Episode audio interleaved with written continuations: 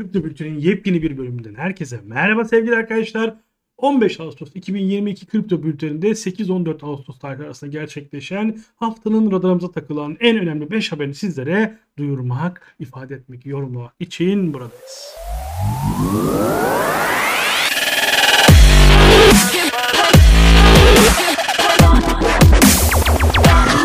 Herkese merhaba. Temmuz ayındaki Amerika Birleşik Devletleri tüketici fiyat endeksi biliyorsunuz kripto borsalar için çok önemliydi. Bizim tüfe diye bildiğimiz şey hepimizin beklediğinden daha küçük olan yıllık 8,5'luk bir değer artışıyla gerçekleşti. Bu Haziran ayında %9.1'e ulaştıktan sonra enflasyon zirvesine ve potansiyel sakinleşmeye ulaştığımız anlamına gelebilir. Evet gelebilir olduğunu düşünüyorsak enflasyon düşüyor. Gıda süpermarketler ve çiftçi pazarında yeniden ucuzlayacak mı gibi bir handikapa sokuyor bizleri. Bu ABD'den örnek verdim çünkü bütün piyasalar oraya göre şekilleniyor neredeyse. De durum bundan çok farklı değildi. Peki bu arada bu duyurulardan sonra Bitcoin ve Ethereum fiyatlarında yükselme başladı. Yukarı doğru ivmelenme başladı. Hatta boğa geldi, rally geldi diye konuşanlar olmaya başladı. Ethereum 2K barajını deldi. Peki neler olmuş? Gelin geçen haftanın radarımıza takılan en önemli 5 hikayesine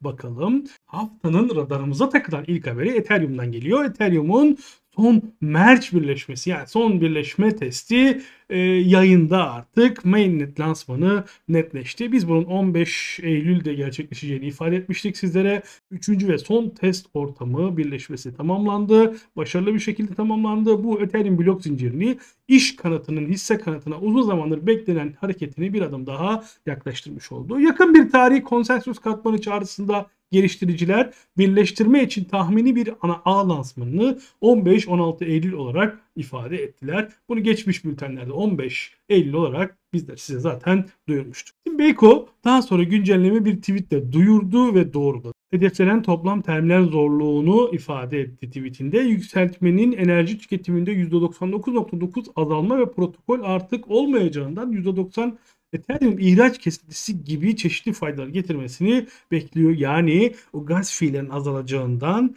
ve yeni blok eklemeleri için madencilere ödemeler yapılacağından yani madencilerin mağdur olmayacağından bahsediliyor.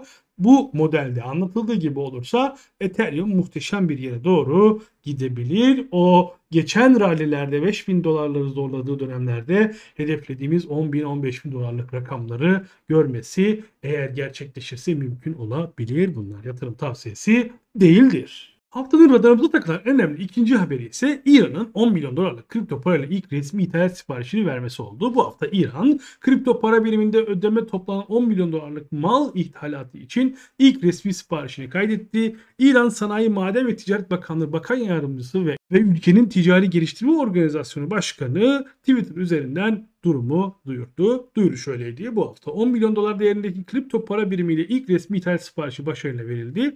Eylül ayı sonuna kadar hedef ülkelerle dış ticarette kripto para birimleri ve akıllı sözleşmenin kullanımının yaygınlaşacağını ifade etti.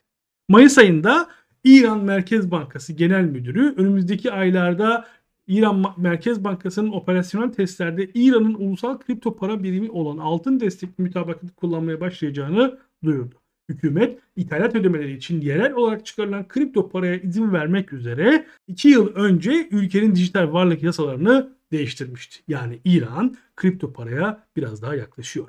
Orta Doğu'da zengin ülkelerin bu tip yaklaşımları kripto paraya duyulan güvenin ve değerlemenin daha da yükseleceğinin işaretleri arasında yer almakta. Haftanın radarımıza takılan üçüncü en önemli haberi ise Amerika Birleşik Devletleri Hazine Bakanlığı'ndan geldi. ABD Hazine Bakanlığı tarafından kara listeye alınan Tornado yani şüpheli geliştirici tutuklandı. ABD Hazine Bakanlığı protokolünün ulusal güvenlik için risk oluşturduğunu söylediği üzere Amerikan vatandaşlarının popüler madeni para birimi karıştırma hizmeti Tornado Cash'i kullanması yasaklandı.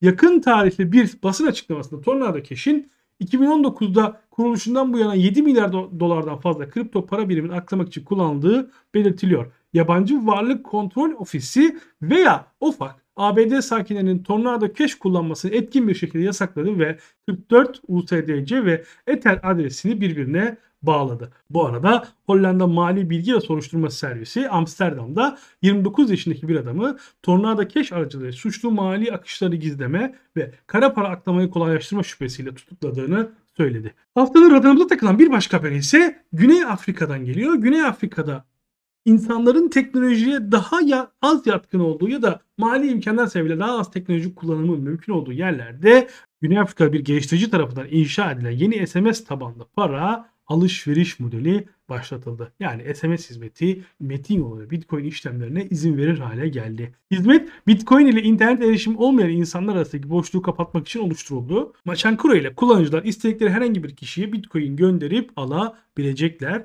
Burada bir pin kodu yardımı ile koruyabilecekleri ve hesap açabilecekleri bir model geliştirdiğini ifade etti. Tüm bunlar yapıldıktan sonra kullanıcılar artık Bitcoin alıp gönderebilecekleri bir hesaba sahip olabilecekler. Yani SMS'e Bitcoin alıp satmak, sahip olmak mümkün hale gelecek gibi gözüküyor. Haftanın radarımıza takılan son haber ise CryptoPunks'tan geldi. CryptoPunks Twitter'ına göre Punks IP lisans sözleşmesinin yayınlandığı 15 Ağustos'ta BAYC yani Board Ape Yap Club'ın benzeri lisans haklarını alacak. Nihai sonuç Bored Ape Yacht Club ile aynı ancak önemli bir fark var. Bored Ape'nin e, ticari lisansı kısa ve tatlı e, gözüküyor. CryptoPunks ve Meatbeast lisansı e, görünüşe göre biraz daha uzun olacak ve hikayenin tamamını sizlere daha başka bir bültende duyurmaya çalışacağız. Bu haftalık kripto bültenin sonuna gelmiş bulunuyoruz. Bir sonraki bültende görüşmek üzere. Okuduğunuz YouTube'dan ve podcast kanalımızda takip ettiğiniz için, videomuzda yorumları esirgemediğiniz için şimdiden teşekkür ediyoruz. Bir başka kripto bülteninde görüşmek üzere. Kendinize iyi bakın. Güvenle kalın.